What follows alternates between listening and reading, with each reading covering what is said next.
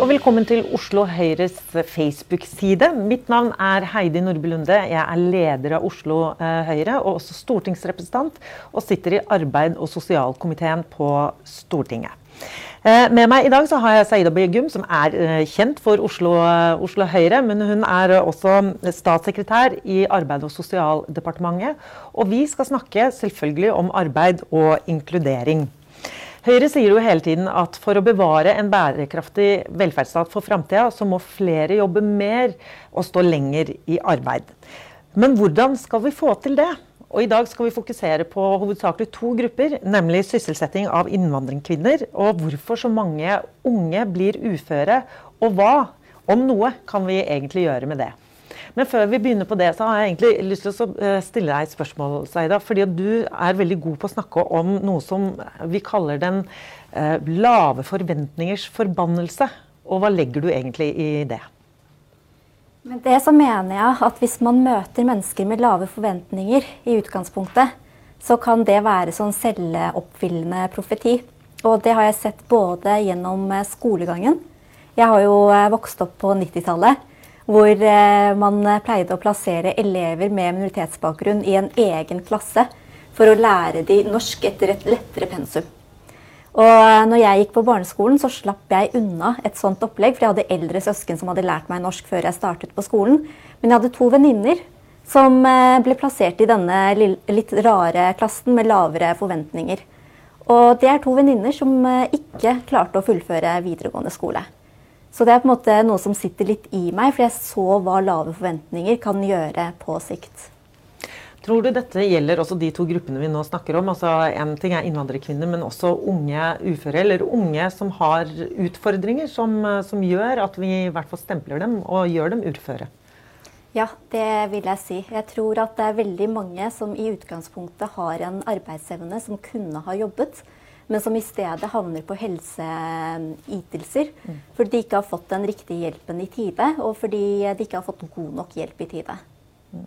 Men Vi skal begynne med den eh, andre gruppen først, nemlig innvandrerkvinner. Mm. Fordi Tallene viser at eh, av innvandrerkvinner i Norge i dag, så er det si, bare 61% som er sysselsatt, mot 79 av eh, kvinner med norsk etnisk eller norsk bakgrunn. Mm. Hva tror du er grunnen til det?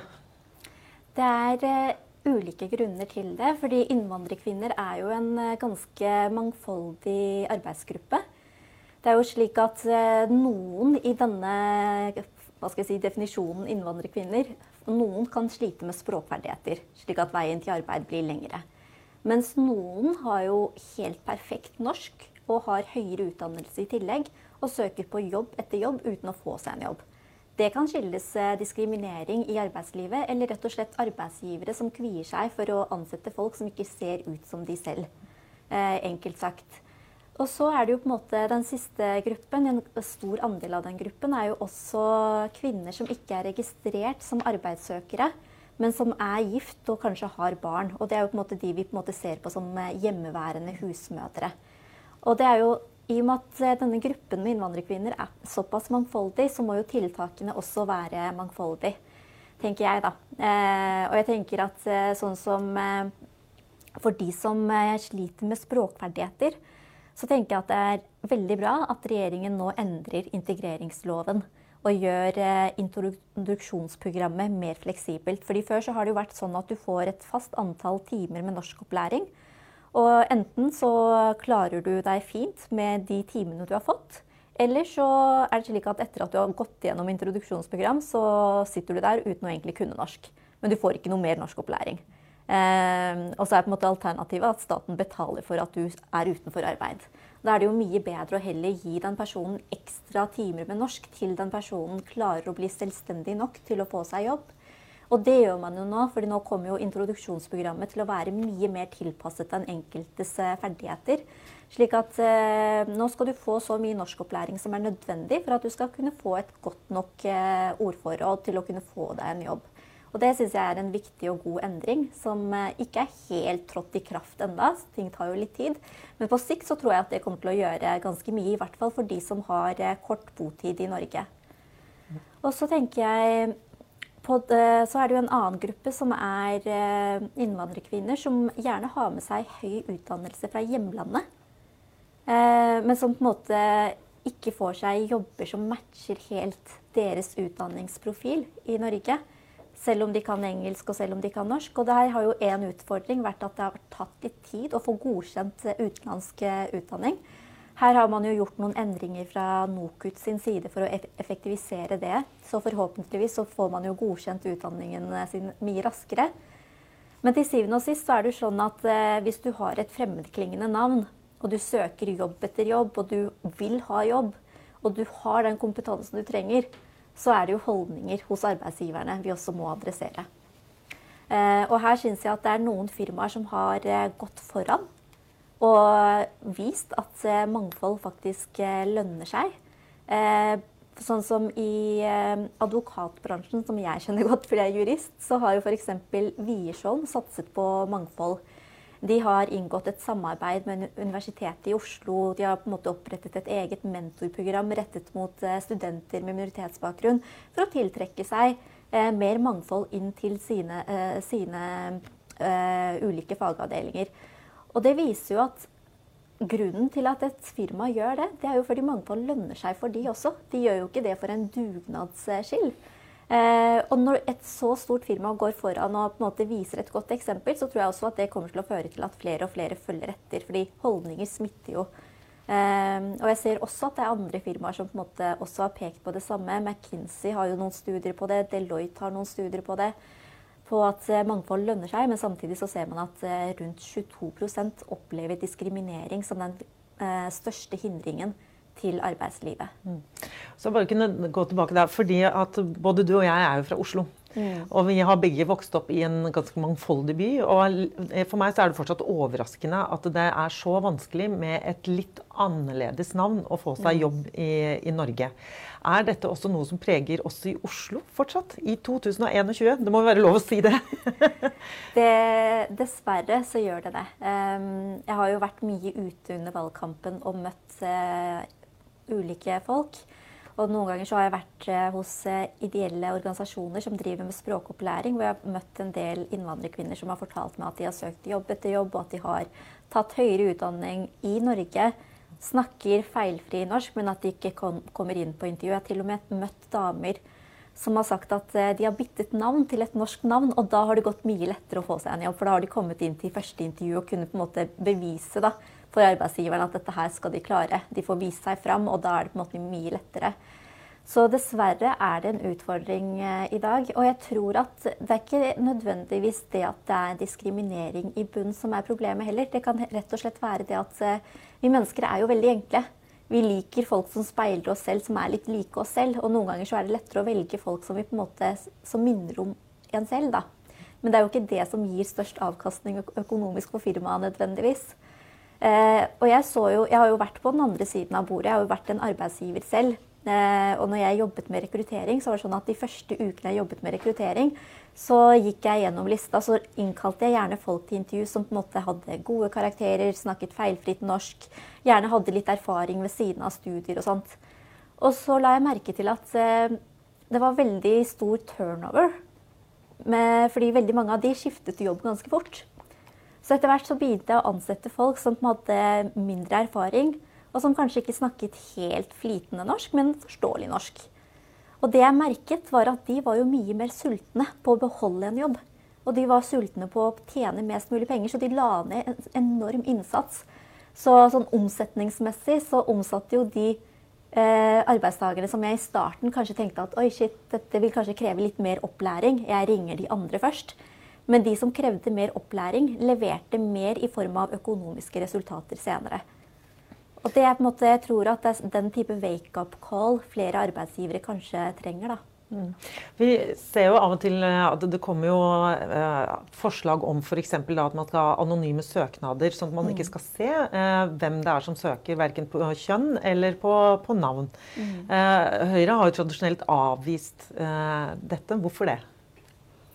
Nei, si det. Nå har vi jo faktisk eh, i regjering eh, gått gjennom et eh, Eller laget et forsøksprosjekt for å se på om anonyme søknader kan være en delvis en løsning.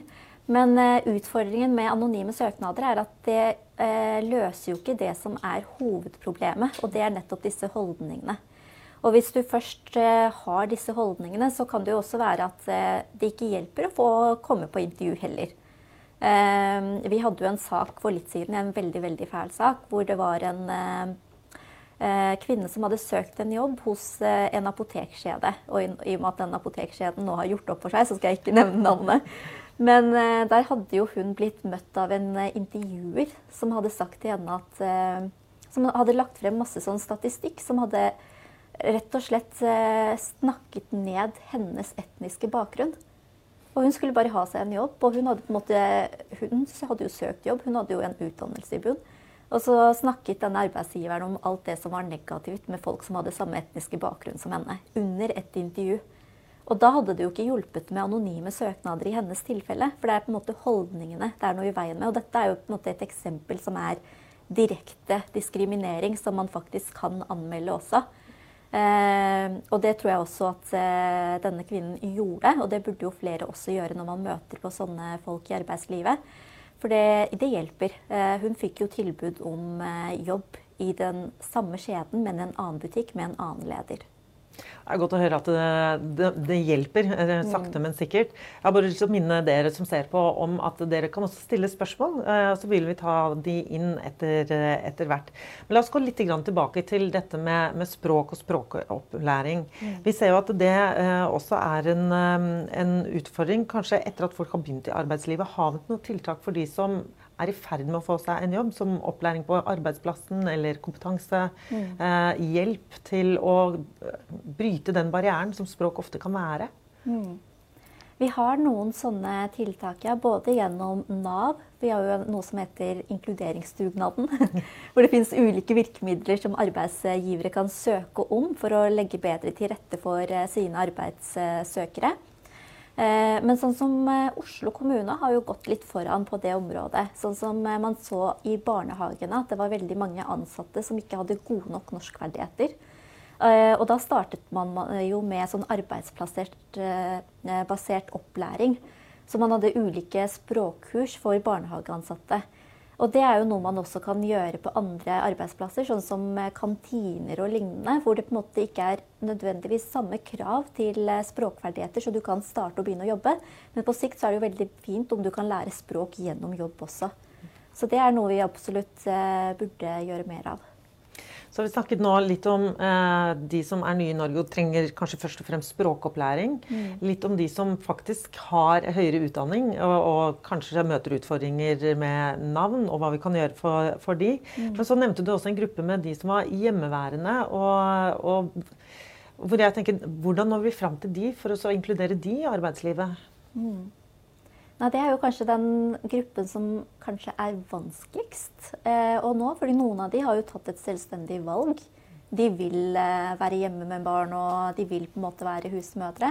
Og her tror jeg på en måte at det er litt sånn ulike måter å gjøre det på. fordi noen er jo sånn at eh, de har tatt et bevisst valg om å ikke jobbe. Og så er det på en måte enten kultur eller religion som ligger bak det valget. Litt sånn avhengig av hvordan man tolker det.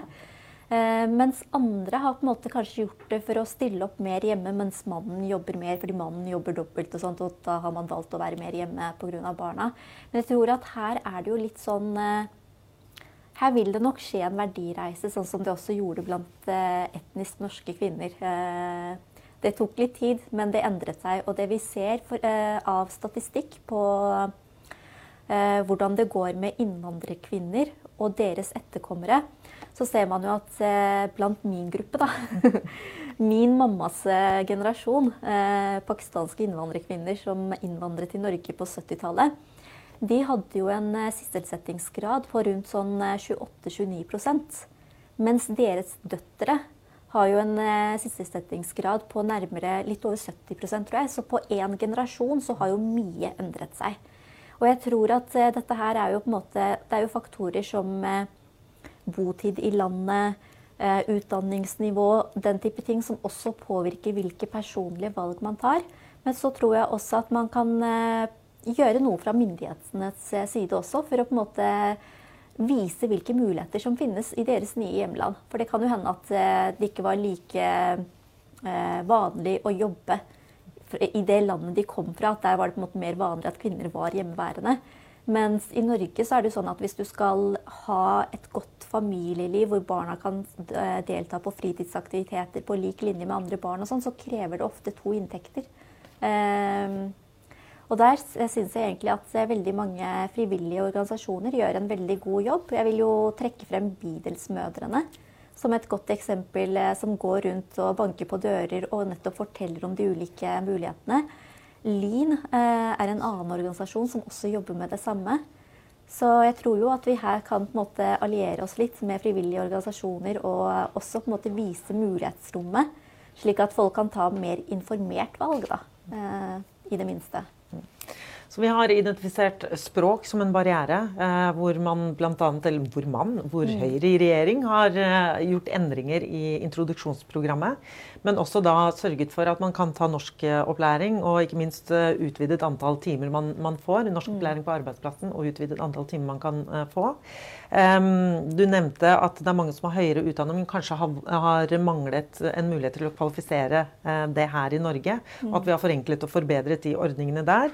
Og samarbeid med frivillige organisasjoner som Bydelsmødrene for å komme i kontakt med de som kanskje er hjemmeværende og trenger hjelp til å forstå det norske samfunn det er ting som vi allerede har gjort eller gjør, eller sikkert ting vi kunne gjort litt bedre også. Men hvis du mm. skulle sagt ja, tre utfordringer som er de største utfordringene vi har i dag for å få kvinner med innvandrerbakgrunn mer ut i arbeidslivet, og få opp sysselsettingsgraden?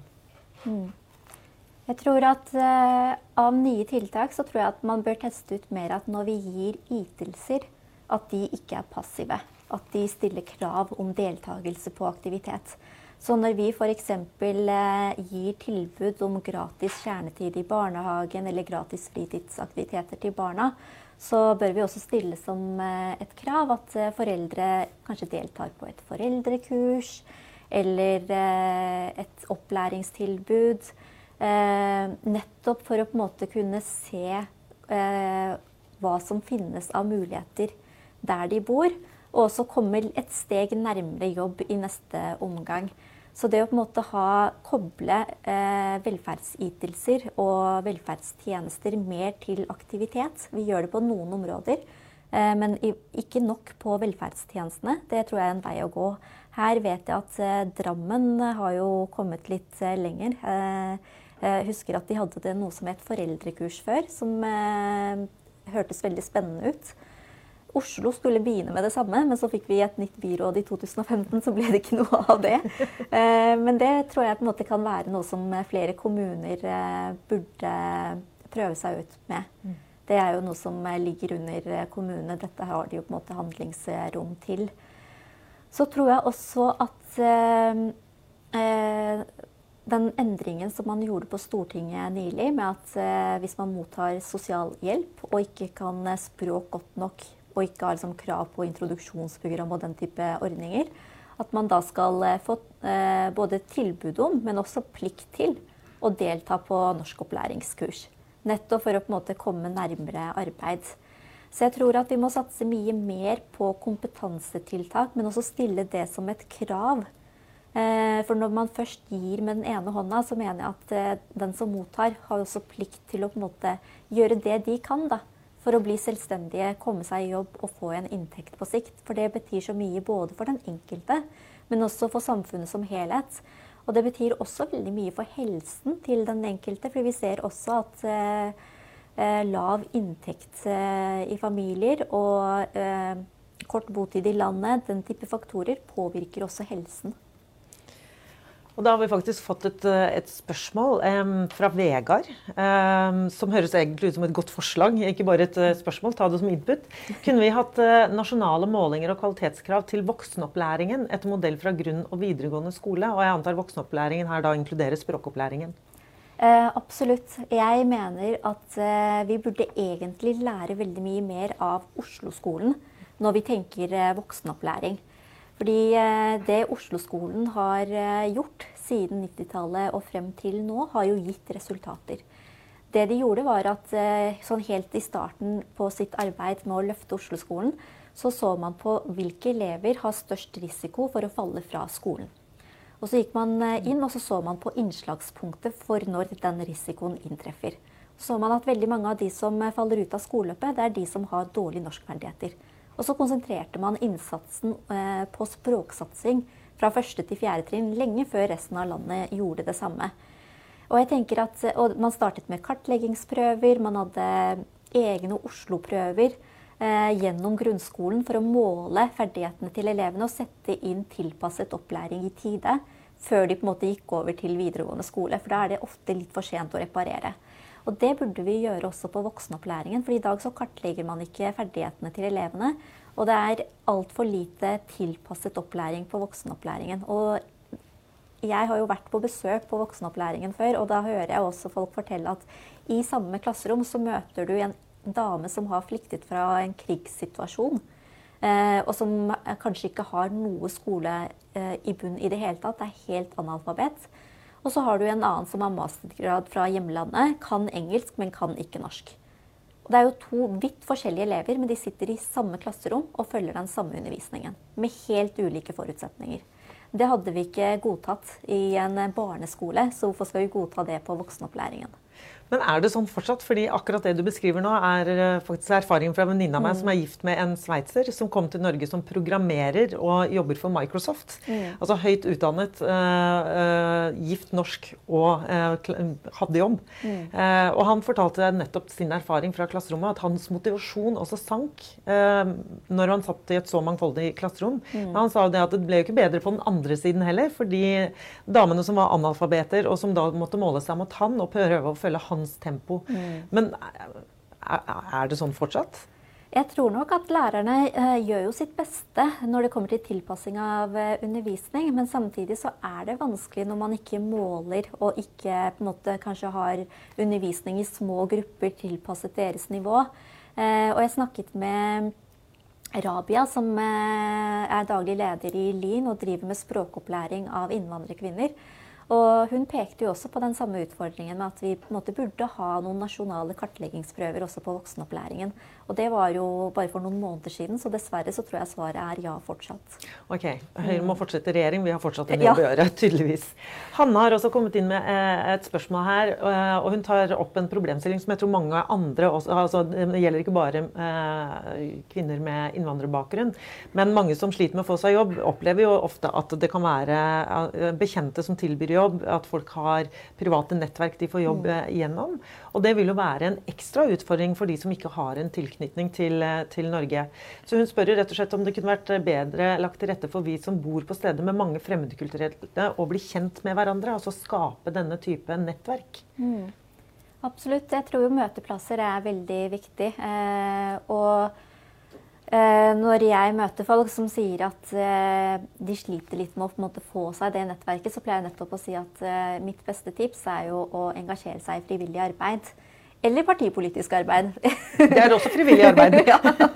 Så det går an. Eh, men jeg tror at eh, det, måte, det, gir deg både et nettverk, men du møter også kanskje noen likesinnede, kan dele tips og råd. Og så kan det jo også hende at du kanskje møter din neste arbeidsgiver nettopp i en frivillig organisasjon. Mm.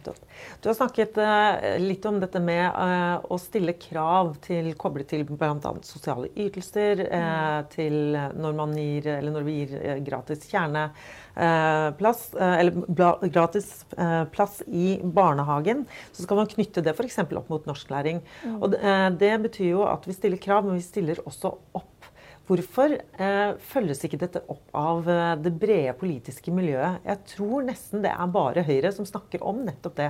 Mm. At man skal få lov til å eh, stille krav, men da må også staten eh, stille opp, og motsatt. Mm. Jeg, jeg syns det er veldig vanskelig å forstå den eh, argumentasjonen. For jeg har møtt sånn ulike argumenter på dette her. Noen ganger så sier jo noen at eh, nei, vi kan ikke stille den type krav knyttet til velferdstjenester, fordi da er det barna vi straffer.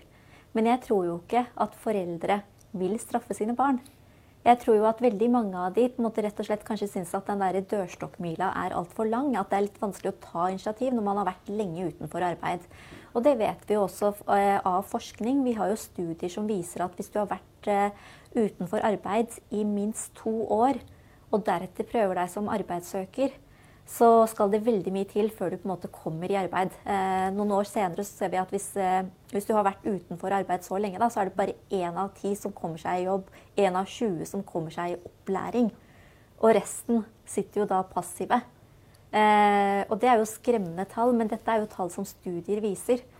Og da tenker jeg at vi kan ikke snakke om at eh, det er å straffe barna, fordi barna får jo den velferdstjenesten. Og jeg tror ikke at eh, foreldre kommer til å si at eh, nei, men hvis jeg må delta på norskopplæringskurs, så vil jeg ikke sende barna mine til barnehagen.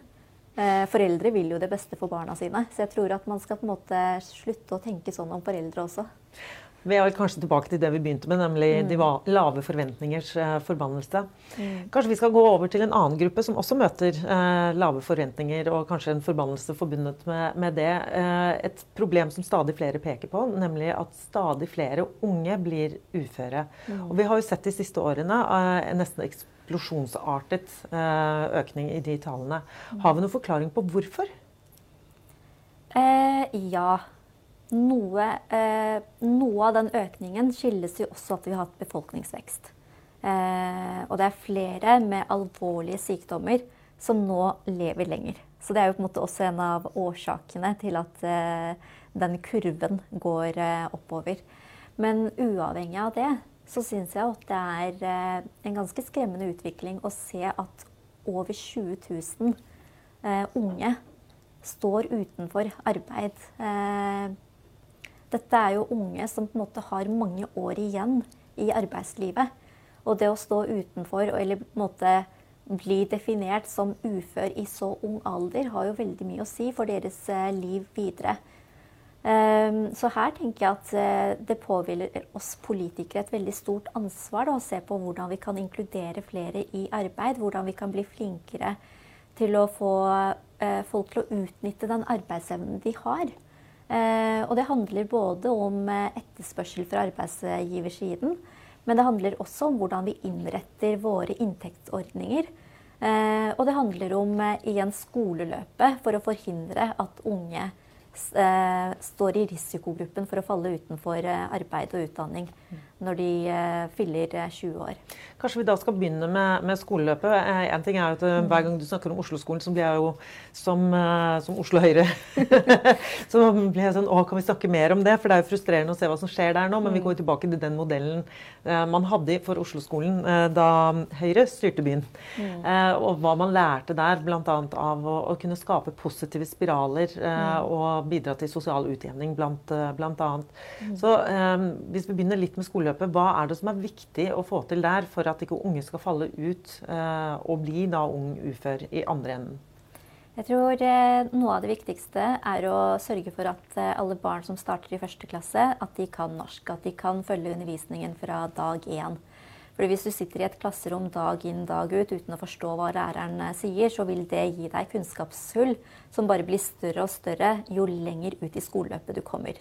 Eh, og om du ikke kan norsk, så kan det også påvirke dine matteferdigheter, for du har ikke forstått hva læreren har sagt. ikke sant?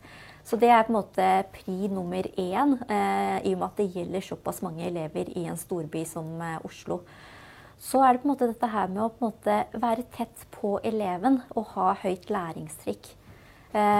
man må stille krav til elevene. Det tror jeg bare er bra for disse elevene.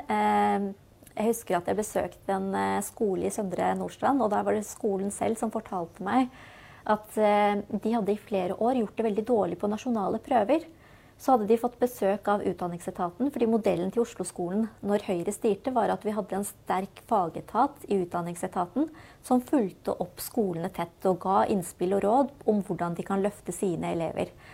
Og da fikk de jo besøk fra noen flinke folk fra Utdanningsetaten som eh, kom og fulgte undervisningssituasjonen. Så spør eh, de som var på en måte fra utdanningsetaten, eh, læreren hvorfor er det sånn at eh, barna lærer én bokstav i uken? For da rakk jo ikke de å komme gjennom pensum i løpet av første trinn og lære å sette sammen disse bokstavene til ord. Og så hadde jo ikke lærerne noen god svar på det. Det var bare sånn de alltid hadde gjort det. Så det var bare sånn dinosaur som på en måte bare hadde blitt hengende der, fordi noen hadde gjort det, og da bare gjorde alle det samme. Og så eh, ble de enige om å begynne å lære barna to bokstaver i uken i stedet. Og da rakk jo de pensum. Da lærte jo barna faktisk å sette sammen ord i løpet av første klasse. Og resultatene på nasjonale prøver gikk også opp for den skolen. En så enkel endring. Så det er på en måte noe med å stille krav, men også være tett på elevene. Og også stille krav om god undervisning til alle elever. Jeg tror at det kan være bra å ha eh, noen undervisningsstandarder for å sørge for at eh, alle skolene har sånn minstegulv på undervisningskvalitet. Eh, slik at det ikke blir så store forskjeller mellom klasserom og mellom eh, skoler, som vi ser i stor grad nå, fordi man på en måte har fjernet veldig mange av disse standardkravene til eh, skolene. Så det tror jeg på en måte også er noe vi må ha i bunn for å sikre at alle elevene får god undervisning. Og spesielt nå under eh, koronapandemien så har jeg tenkt at det burde man hatt i en sånn situasjon. Fordi nå hører jeg at det er så mange elever som sier at eh, eh, kvaliteten på den undervisningen de får nå, er så forskjellig. Noen har digital undervisning eh, hvor det er krav om å ha på kamera. Andre har ikke det som krav og kan liksom ligge i senga og på en måte sovende følge med på undervisningen. Eh, noen får ikke nok undervisning i det hele tatt. Eh, noen har ikke utbytte av den digitale undervisningen de får. Det er så store forskjeller. Så her burde man jo f.eks. hatt krav om at, uh, un, uh, at undervisningstimene rett og slett filmes. Slik at lærerne kan få tilbakemeldinger fra sine egne kollegaer på om den undervisningstimen var god nok. Et enkelt grep, men som på en måte kan gjøre at undervisningen blir bedre for elevene. Da. For det er jo de som bør være vårt fokus når vi snakker om uh, skolepolitikk. Og målet her er jo at flest mulig elever skal lære det vi som et samfunn har som krav til de gjennom våre læreplaner. For hvis vi klarer å lære elevene det som vi har som krav, så vil de mest sannsynlig også kunne klare å få seg en jobb når de er ferdig med videregående. Men vi ser at veldig mange av de som faller ut av videregående, de kan ikke lese og skrive skikkelig heller. De kan ikke skrive en god nok søknad. Og da er veien til arbeid veldig mye lenger. Og når vi ser at samfunnet nå går gjennom eh, en omstillingsperiode og også mer automatisering, jeg tror ikke at det kommer til å gjøre at de som har jobber i dag, kommer til å miste de jobbene. Men jeg tror at eh, unge som ikke har fullført videregående, de kommer til å slite med å få seg en jobb i større grad. Fordi kompetansekravene i samfunnet endrer seg, og flere må belage seg på å ta mer utdanning. Og da må vi rett og slett eh, sørge for at Oslo-skolen kommer tilbake til det nivået Oslo-skolen var på, høyere. For vi kan ikke ha så store forskjeller mellom skolene som det vi har nå. Mitt navn er altså Heidi Nordby Lunde, og jeg sitter her sammen statssekretær i Arbeid- og sosialdepartementet, Saida Mugum, og vi snakker om egentlig reelt sett utenforskap eh, og arbeid og inkludering. Og du kan fortsatt stille spørsmål i kommentarfeltet. Og vi skal tilbake igjen til de unge uføre. fordi én ting er hva du får til og mulighetene du får gjennom skoleløpet og de som mm. faller ut derfra. Men noen har jo faktisk en funksjonsnedsettelse. Noen har eller blir syke, som kan enten være langvarig eller eh, kortvarig. Mm. Og hva kan vi bidra med for at ikke din funksjonsnedsettelse blir din eh, manglende arbeidsevne? Mm. Eh, fordi altså, Vi alle kan jo være funksjonsnedsatt på en, eh, på en dårlig dag, si, men for noen så er det jo en, en varig funksjonsnedsettelse som ikke ødelegger din kapasitet i arbeidslivet. Mm. Uh, og noen har en diagnose hvor man faktisk lever og blir diagnosen sin, istedenfor at du blir det hele mennesket du er, og at mm. diagnosen bare er en del av deg. Så vi sier jo at arbeidslivet skal ha plass til alle. Mm. Hvordan kan vi bidra til å bygge de broene, f.eks. også fra utdanning, men også fra diagnoser og inn i arbeidslivet? Her tror jeg at det handler om eh, hva slags oppfølging vi gir til eh, elevene våre, og hva slags eh, tilrettelegging man legger inn allerede fra skolens side av før de skal begynne å søke jobber. En stor andel av de som er unge uføre, de har jo en psykisk lidelse. Um, og det gjør jo at veldig mange av de da ender opp på helseytelser uh, fullt ut i stedet for å jobbe. Men veldig mange av de har lyst til å jobbe, og de har en arbeidsevne. Eh, men vi vet også av studier at hvis, måte, hvis, tilgangen til arbeid er vanskelig, så kan det hende at måte, veien til å heller måte, prøve å få en diagnose, fordi du vet at du har en lidelse, blir kortere i stedet for å prøve å få seg en uh, jobb.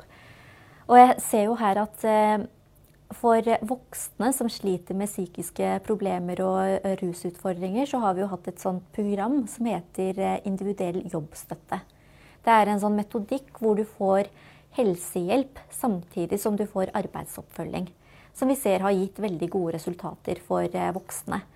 nå skal vi jo prøve ut dette her også for yngre målgrupper, og kalle det for eh, noe så teknisk som IPS-ung. Men det har jeg veldig stor eh, tro på, for jeg har veldig tro på den samhandlingen mellom helse og utdanning og opplæring. Koble de to eh, sektorene sammen, og ikke tenke sånn siloløsninger som man har gjort i altfor mange år. Eh, for det gjør at eh, i stedet for at en ung person først skal banke på den ene døra for å få hjelp med sin psykiske lidelse, og så banke på en annen dør for å på en måte klare å fullføre skolen, og så banke på en siste dør, kanskje, eh, og så møte Nav i stedet for å møte sin første arbeidsgiver.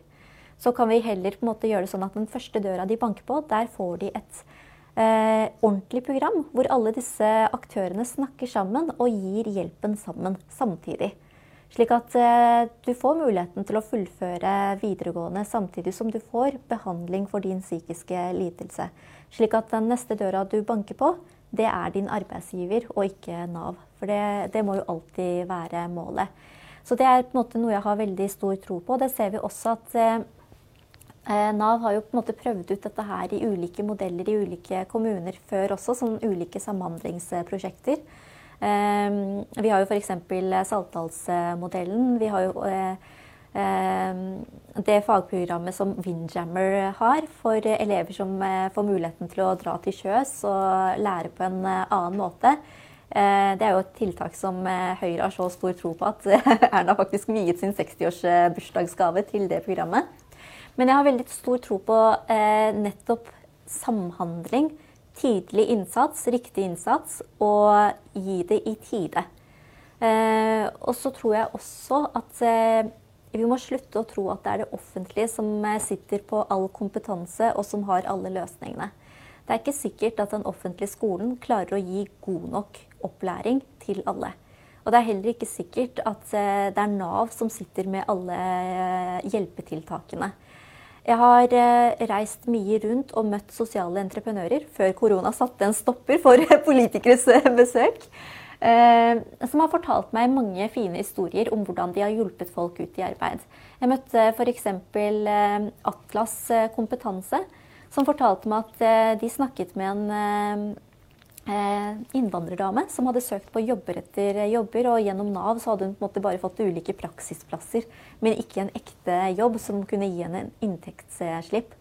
Og så spurte Atlas Norge henne ja, men hva om du tar eh, busslappen i stedet? For det er et eh, område hvor man faktisk trenger flere arbeidssøkere. Og så gjorde hun det, og så fikk hun seg en jobb.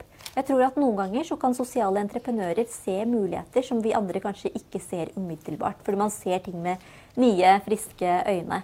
Og jeg tror også at vi må bruke sosiale entreprenører mer i oppfølgingen av eh, unge folk. Eh, kanskje særlig de som har sammensatte utfordringer.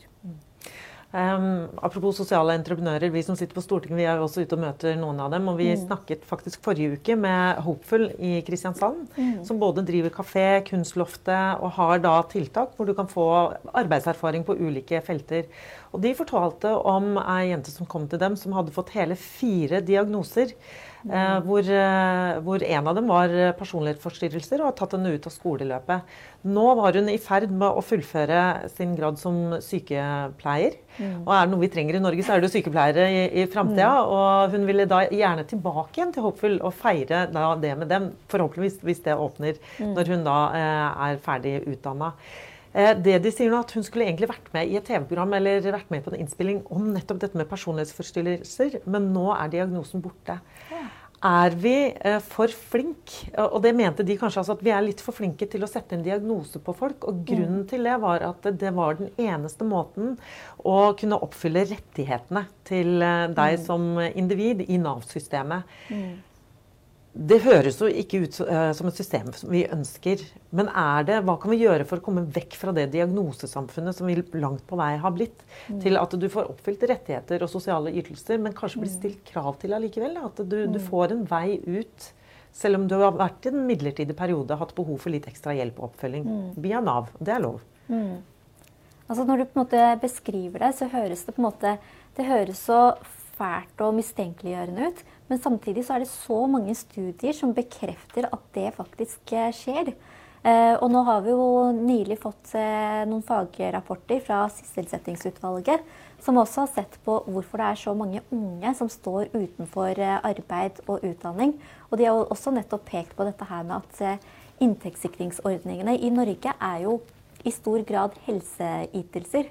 Og da får man jo kanskje et større insentiv til å på en måte nettopp få seg en diagnose hvis man ikke får seg jobb på andre måter eller ikke, ikke får annen hjelp. Og et, eh, et, av mange tiltak som de har, er jo nettopp å se på inntektssikringsordninger som på en måte er mer sånn eh, rettet mot aktivitetskrav, men ikke er helserelatert, sånn som eh, kvalifiseringsprogrammet og lignende. De har jo også anbefalt tettere oppfølging av unge, mer bruk av lønnstilskudd, sånn som de har i Sverige. Og så peker de også på helsejustert uføretrygd slik at flere kan eh, utnytte den produktiviteten og arbeidsevnen de har. Eh, og for å få til det, så er det på en måte sånn at da må man jo også gi en sånn gulrot til eh, arbeidsgiverne. Og det syns jeg er et sånn veldig sånn spennende forslag som vi bør se nærmere på. For da er det jo sånn at arbeidsgiveren betaler for din produktivitet, mens mellomlegget blir uføretrygd. Som som arbeidstaker så får jo du din fulle ytelse. Men samtidig så får du en arbeidstilknytning, og vi vet at arbeid betyr jo bedre helse for veldig mange. Så det kan jo faktisk være veien ut for veldig mange som havner i eh, eller får en uførediagnose i utgangspunktet. Vi har jo også spørreundersøkelser som viser at veldig mange av de som er uføre, faktisk har lyst til å jobbe, og har lyst til å jobbe mer. Eh, så det er absolutt eh, ting som vi bør se nærmere på og følge opp. Og eh, jeg vet at du er jo en stor fan av eh, det arbeidet som Helt Med gjør. Og gjennom de så har jeg også møtt eh, en som heter Karoline. Som jobber på et sykehjem i dag, men som i utgangspunktet mottok uføretrygd fordi hun hadde en utviklingshemning. Men når de klarer å få henne i jobb, og ikke bare en jobb, men en jobb hvor hun faktisk gjør nytte for seg og er en god ressurs for sine kollegaer, så viser jo det noe av det potensialet som finnes der ute, hvis vi bare benytter oss av mulighetene bedre. Eh, jeg tror jo også at vi har mye å gjøre for eh, de som har alvorlige diagnoser. Som eh, man ofte på en måte tenker at ok, eneste mulighet for de er en VTA-plass, en sånn varig tilrettelagt arbeidsplass. Men jeg tror jo at noen av disse kunne faktisk ha vært ute i ordinær jobb, eller i hvert fall eh, delvis i ordinær jobb, hvis vi bare hadde lagt om systemene våre noe. Mm. Og bare for å ha litt om helt med sånn at dere som ser på, også ser hva, hva det er. Altså, det har jo vært så galt at vi, vi, vi, definerer mennesker inn i den boksen som uh, en diagnose eller annet har satt dem inn i. F.eks. Uh, psykisk utviklingshemmet. Ja, nei, men da skal du ha en tiltaksplass. Mm. Og på samme måte som du og jeg, da, når vi skal ha en jobb, så søker vi oss til jobber som vi mener oss selv kvalifisert til, og så må vi screenes av en arbeidsgiver som intervjuer oss, og så prøver de å finne rett person til riktig, riktig plass. Men vi har jo da trodd at psykisk utviklingshemmede er helt annerledes. De er helt samme folka, og de trenger bare en plass. Mm. Og det Helt Med har gjort, er jo at man har faktisk begynt å se på mennesket bak diagnosen og si at mm. jo, men vi er jo forskjellige alle sammen. Eh, så vi skal jo ha de samme screeningene og, intervjue folk på samme måte. Og så skal man da gå gjennom en jobbsøkerprosess som sørger for at vi får riktig person på riktig mm. plass.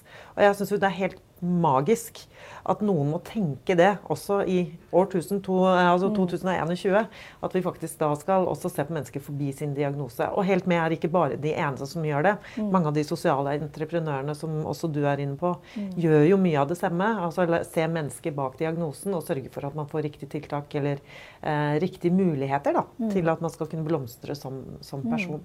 Så jeg tror at det nettopp handler om det å på en måte ikke gi opp mennesker. Men faktisk ha som en sånn grunnholdning at alle kan faktisk få seg en jobb med riktig tilrettelegging. Um, et av tiltakene som man har for å få flere gjennom skoleløpet, det er jo sånn frivillig ellevte skoleår. Drammen var jo Jeg tror i hvert fall at det var Drammen som begynte med det i Norge. Dessverre var det ikke Oslo.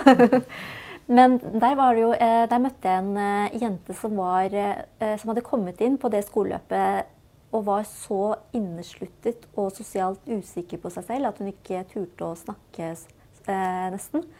Så eh, folk var jo sånn at Oi, hun er jo bare helt taus, på en måte. Eh, men etter å ha vært igjennom dette skoleløpet, hvor du på en måte da får opplæring i mindre grupper og får muligheten til å eh, både ha teorifag, men også sånn praktiske fag for å få mer mestringsfølelse inn. Så hadde hun jo blomstret så mye, så når vi besøkte dette ellevte skoleåret, når det var en gjeng med politikere som besøkte skolen, så var det jo hun som holdt en tale for oss politikere. Og det var jo ingen som skulle tro at hun hadde vært sånn helt taus og usikker på seg selv bare ett år før. Men riktig hjelp kan få alle til å blomstre. Og det har jeg også sett selv i arbeidslivet. At eh, hvis du bare hjelper folk med riktig opplæring, så kan det være at det er dine mest verdifulle arbeidstakere. Så jeg blir jo litt sånn lei meg når folk sier at ja, men det er ikke sikkert at alle skal gjennom skoleløpet. Så tenker jeg bare sånn jo, jeg tror at alle kan komme gjennom skoleløpet, men vi må tenke på hvordan vi tilrettelegger skolen for dem. Det kan hende at det er ikke alle som skal gå gjennom samme teoriskole. Noen skal kanskje lære på en mer praktisk måte, men selvfølgelig kan ikke alle komme seg gjennom et skoleløp med riktig tilrettelegging. Mm. Vi snakker altså om inkludering i arbeidslivet, eh, hovedsakelig for to grupper, nemlig de eh, innvandrerkvinner og unge som har blitt uføre, eller står i fare for å bli uføre, eh, kanskje mest. Og vi har snakket om introduksjonsprogrammet og de forbedringene vi har gjort der. Vi har snakket om eh, at individuell jobbstøtte til eh, voksne med psykiske utfordringer og som også har rusproblemer, har fungert godt, og vi, har, vi nå overfører det til, til også unge. Eh, vi har snakket om at vi har gjort det enklere å få kvalifisert eller få satt et godkjentstempel på høyere utdanning tatt i utlandet for de som er nye i Norge. Og bl.a. det å koble sosiale ytelser til krav. At vi skal både stille krav, men også stille opp for de som trenger litt, eh, litt ekstra. Og det er lett å sitte og skryte av seg sjøl eh, eh, og fortelle alt det gode man har gjort. Men, mm. men, det er klart at etter åtte år i regjering så ser vi også at det er mange utfordringer som står mm. igjen. Det er lov å være selvkritisk også. Er det noe du tenker um, åh, det der burde vi ha gjort annerledes. Eller her gjorde vi rett og slett feil. Mm. Er det noe som du tenker nå at eh, Eller vi burde tenkt på kanskje tidligere, da. Vi er jo ikke perfekte, vi heller. Vi er bare mm. mennesker. Jeg tror jo at når man har sittet åtte år i regjering, så har man jo et sett med forventninger på hva man skal ha fått til i løpet av de åtte årene. Og jeg ser jo nå, i hvert fall med den situasjonen vi nå befinner oss i med den høye arbeidsledigheten, at det er mye vi eh, kan gjøre for å inkludere enda flere i arbeid. Og nå kommer jo vi snart med en eh, stortingsmelding som handler om eh, hvordan forebygge utenforskap og inkludere flere i arbeid, hvor vi peker på noen av de virkemidlene som vi ikke har prøvd ut hittil, men som vi bør prøve ut for å få enda flere i arbeid. Og når vi ser på de virkemidlene, eh, så tenker jeg jo på en måte sånn OK, hvorfor foreslo vi ikke dette for sånn to år siden, fire år siden osv.? Fordi kunnskapsgrunnlaget har jo ligget der. Vi har jo tatt tall på hva som fungerer, hva som ikke fungerer. Men jeg tror jo også at på de arbeidsområdene som vi jobber med, så er det jo sånn at eh, vi har jo trepartsmodellen i norsk arbeidsliv. Det krever at eh, mange er enige om de tiltakene vi prøver ut. Det er ikke nødvendigvis sånn at Høyre bare kan ture frem og dette er Høyres politikk, sånn skal vi gjøre det. Eh, arbeidsgiversiden må være enig med oss, arbeidstakersiden må være enig med oss. Og da kan det noen ganger ta litt lang tid å prøve ut eh, enkelte tiltak som vi på en måte har lyst til å prøve ut. Eksempel er jo sånn som eh, Sysselsettingsutvalget har jo nå pekt på en ny modell for sykelånet. Hvor man f.eks. For forskyver en større del av ansvaret for langtidsfravær over på arbeidsgiver. Eh, arbeidstaker kommer jo fortsatt til å motta samme ytelse. Men eh, man tror at ved å på en måte overføre mer av ansvaret for langtidsfravær på arbeidsgiver, så vil det også gi arbeidsgiver insentiver til å bygge et enda bedre arbeidsmiljø og gjøre mer for å få sin arbeidstaker tilbake i arbeid. Og det er jo et sånt tiltak som på en måte eh, man skulle tro at flere var villige til å prøve ut. Og i sysselsettingsutvalget så var det jo f.eks. Eh, alle som sitter i det utvalget, var enig, men ikke LO. så på noen områder så ser vi at det er noen sånne skillelinjer som gjør at det er vanskelig å bli enig alltid. Men samtidig så er det på en måte Flest mulig skal helst være enige om sånne tiltak da, for at det også kan stå seg over tid.